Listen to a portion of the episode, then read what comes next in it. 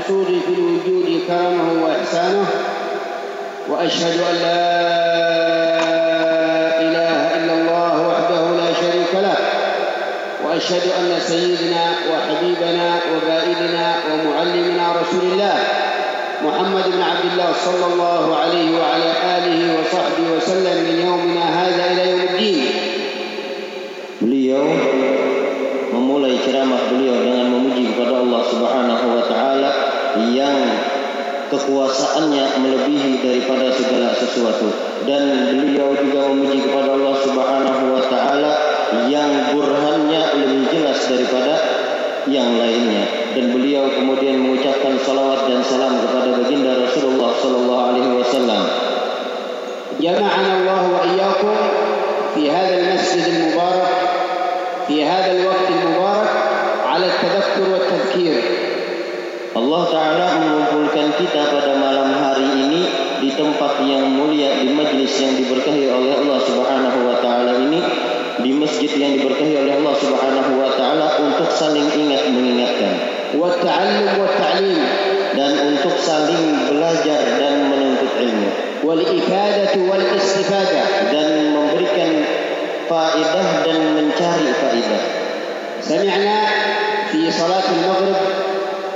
من الإمام المبارك أن الله سبحانه وتعالى يحث نبينا صلى الله عليه وسلم أن يصدر نفسه مع الذين يدعون الله سبحانه وتعالى Kita tadi mendengarkan ayat yang dibacakan oleh imam yang semoga Allah Taala memberkahi kepada beliau sebuah ayat yang menjelaskan kepada kita bagaimana agar Rasulullah Sallallahu Alaihi Wasallam untuk bersabar dan dan orang-orang yang berdakwah pada jalan Allah Taala untuk mengikuti jalan Rasulullah Sallallahu Alaihi Wasallam tersebut. Dari Subhanahu Wa Taala wasbur nafsaka ma'aladina yadzuna bil bilqadati wal ashiyah yuridina wajhu wa la ta'du ainaka anhum.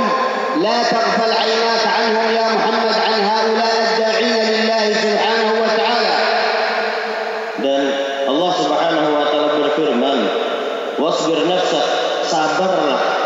diri engkau hai Muhammad daripada nasirang sekarang Muhammad. Yad'una rabbahum bil ghadati wal 'ashiyah wajhah. Dan, dan orang-orang yang ber, mendakwahkan kepada Allah Subhanahu wa taala agar bersabar untuk mereka supaya mereka beriman kepada Allah. Wala taqfal 'ainaka 'anhum dan jangan engkau berpaling daripada mereka. فالنبي صلى الله عليه وعلى آله وصحبه وسلم هو الداعين إلى هذه المجالس dan baginda Rasulullah sallallahu alaihi wasallam beliaulah yang telah memanggil kita ke majlis-majlis yang seperti ini وقد أمره الله سبحانه وتعالى أن يصدر نفسه في مثل هذه المجالس dan Allah Subhanahu wa taala juga memerintahkan kepada kita untuk bersabar di majlis-majlis yang seperti ini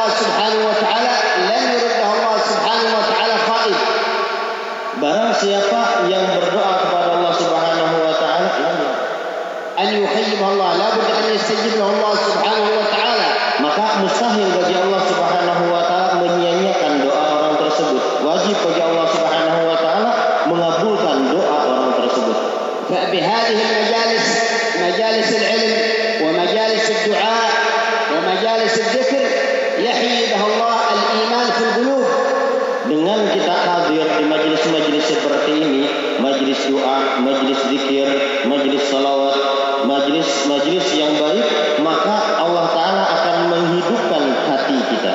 وكذلك التردد إلى بيت الله سبحانه وتعالى والجلوس في بيت الله سبحانه وتعالى وعمارة بيوت الله سبحانه وتعالى بها يزداد الإيمان Dan begitu pula dengan kita bolak-balik dari tempat tinggal kita menuju rumah-rumah Allah Ta'ala, menuju masjid, dan kita menghidupkan masjid tersebut, beribadah di dalam masjid tersebut, maka itu akan menghidupkan hati kita, menambahkan keimanan kita kepada Allah Ta'ala.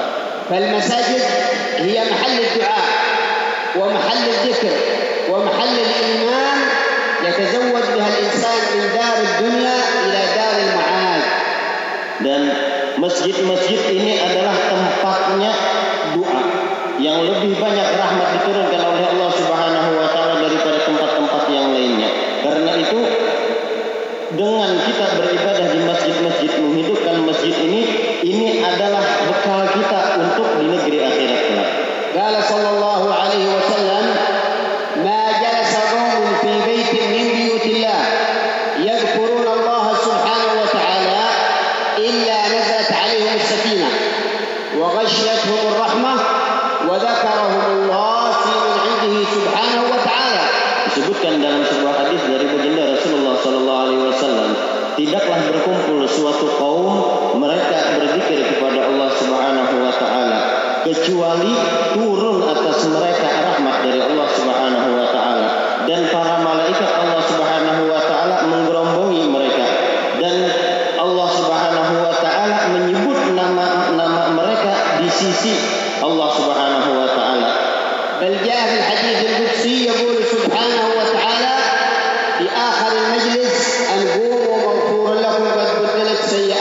hasanat.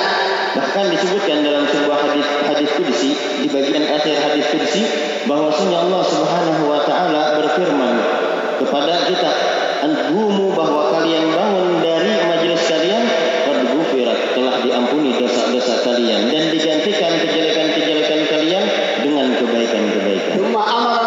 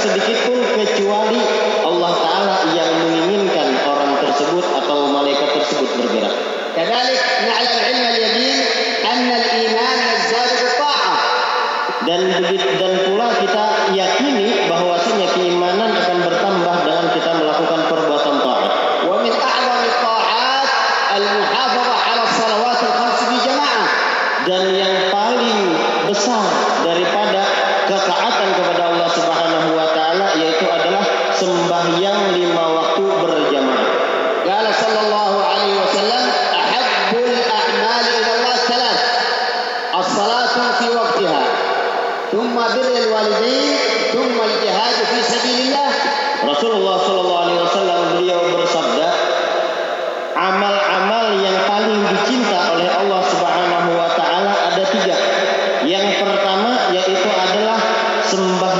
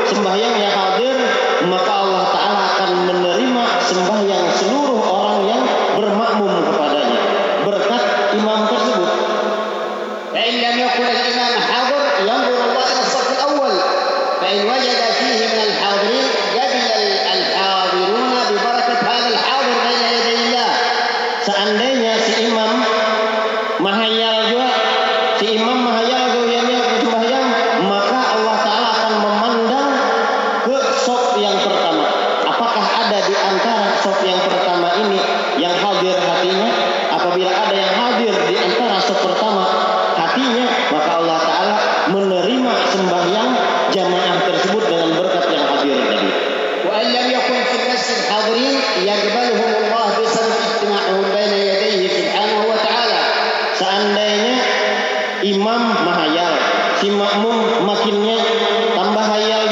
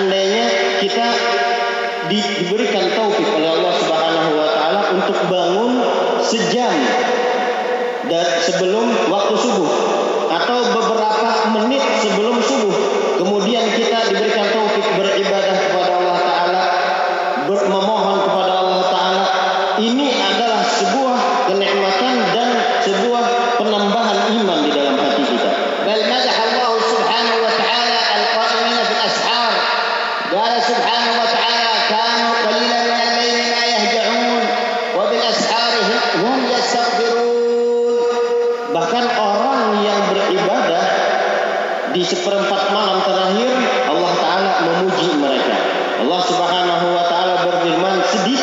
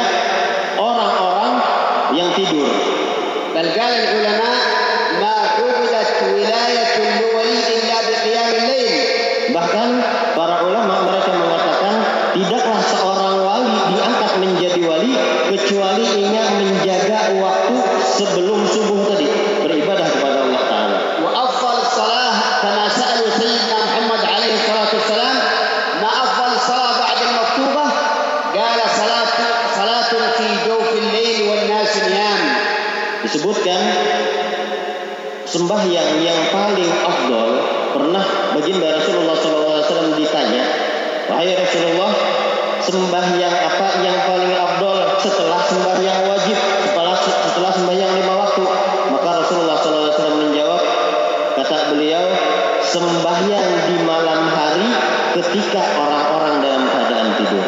Karena Sayyid Imam Ali Zain Al Abidin bin Husain bin Ali bin Abi Talib karramallahu wajah yusalli kulli lailah alf rak'ah. Adalah Sayyidina Imam Ali Zain Al Abidin buyut dari baginda Rasulullah sallallahu alaihi wasallam yang nama beliau Ali bin Husain bin Ali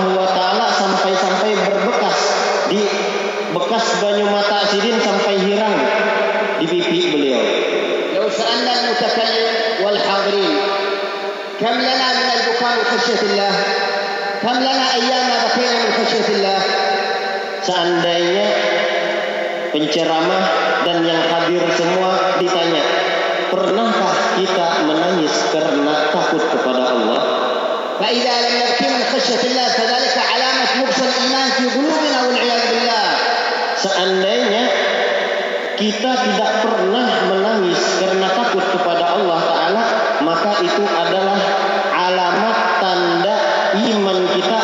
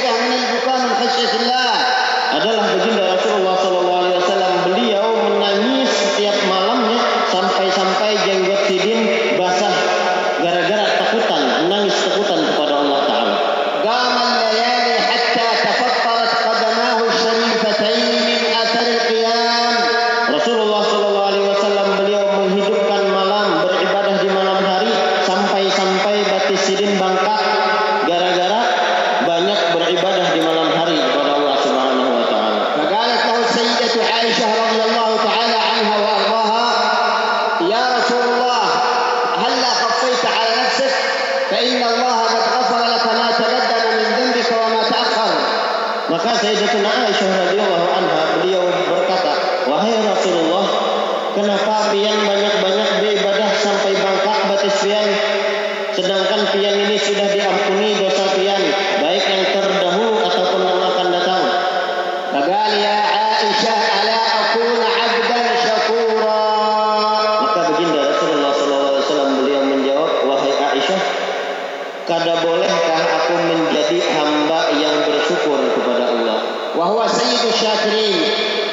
سيد الخاشعين وسيد المتواضعين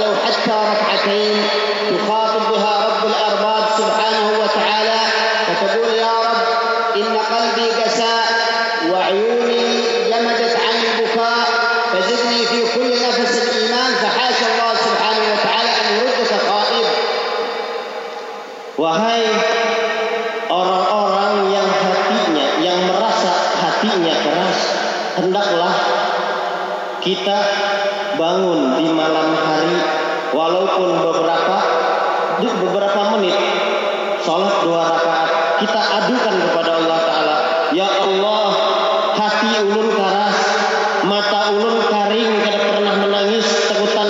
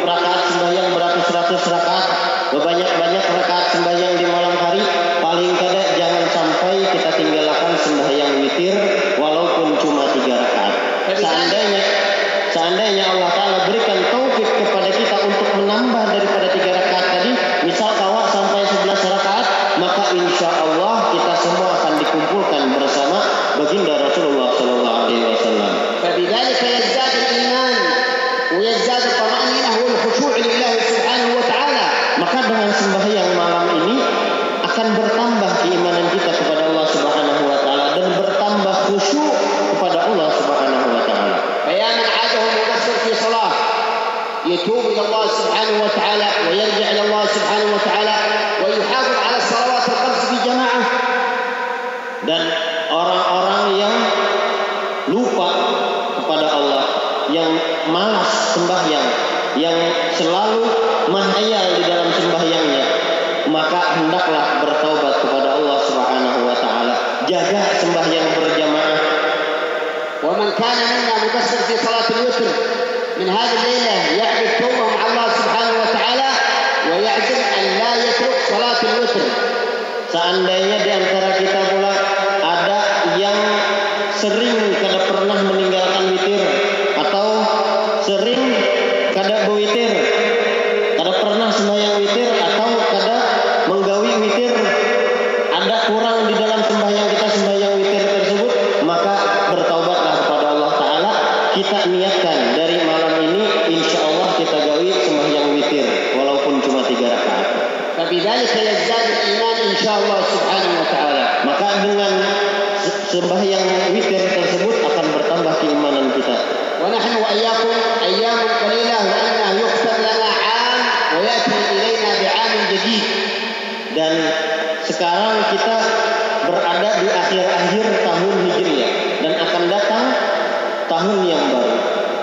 فكيف نختم هذا العام الهجري وكيف نستقبل العام الهجري أن يقبل علينا بزيادة الإيمان Maka sepantasnya bagi kita memikirkan bagaimana kita menutup akhir tahun kita ini dan bagaimana kita menyambut datangnya tahun baru Islam ini dengan memperbanyak menambah keimanan kita. فإن هذا العام وما فيه يكون شاهدا لك أو شاهد عليك يوم القيامة Maka sesungguhnya hari-hari yang telah lewat atau tahun-tahun yang telah lewat ini dia akan bersaksi nanti di hari kiamat. الأعمال التي عملنا في هذا العام في كتاب لا يغادر صغيرة ولا كبيرة إلا أحصاها ووجدوا ما عملوا حاضرا ولا يظلم ربك أحدا Dan amal-amal yang telah kita lakukan di tahun ini itu sudah tercatat di dalam kitab amal kita. Dan baik itu kejahatan yang dosa kecil ataupun dosa besar itu semua tercatat di dalam buku amal kita.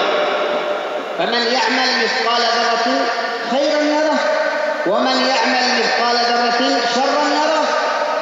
Disebutkan dalam sebuah ayat "Faman ya'mal barang siapa yang beramal mithqala seperti darah, seperti timbangan darah. Darah itu kalau bi- pian mana tahu, biasa di pagi hari ada cahaya masuk ke jendela. Ada yang terbang putih-putih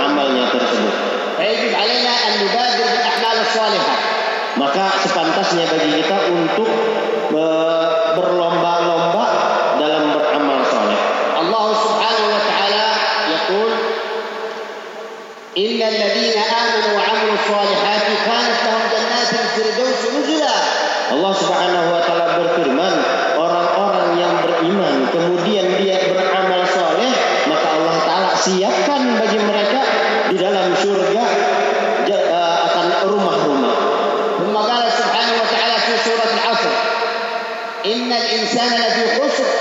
إلا الذين آمنوا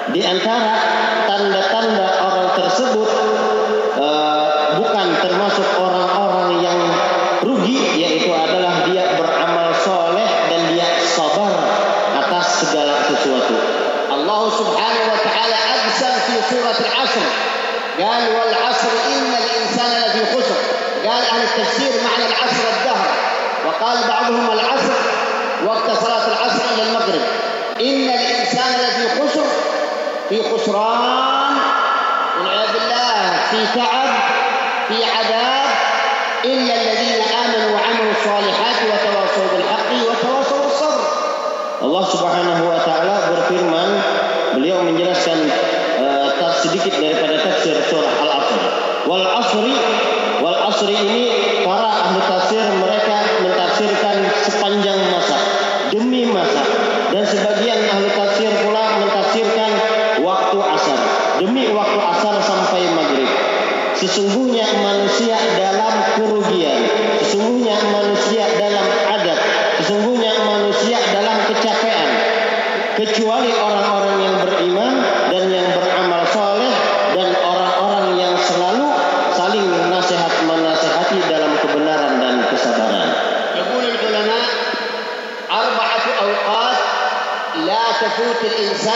في طاعة الله.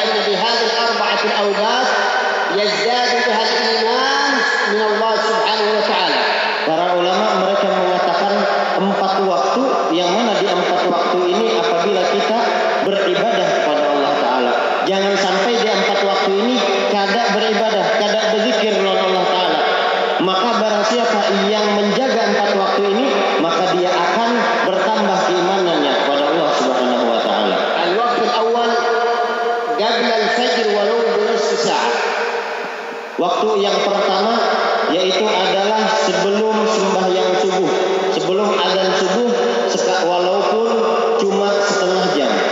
Belkan awliya radhiyallahu taala anhum arbahum man hum man yaqra fi qiyam al-lail 10 ajjam min al-Qur'an kull laila. Bahkan sebagian para wali Allah Subhanahu wa taala mereka qiyamul lail membaca Al-Qur'an ketika sembahyang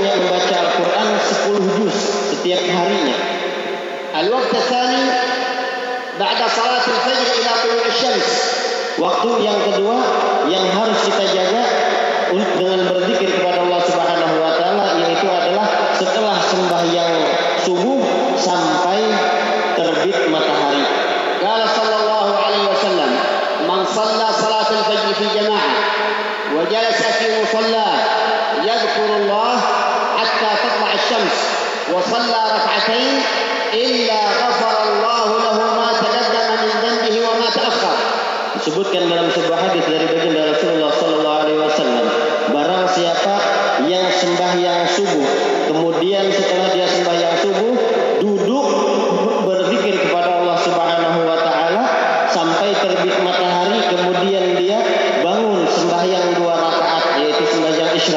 maka dia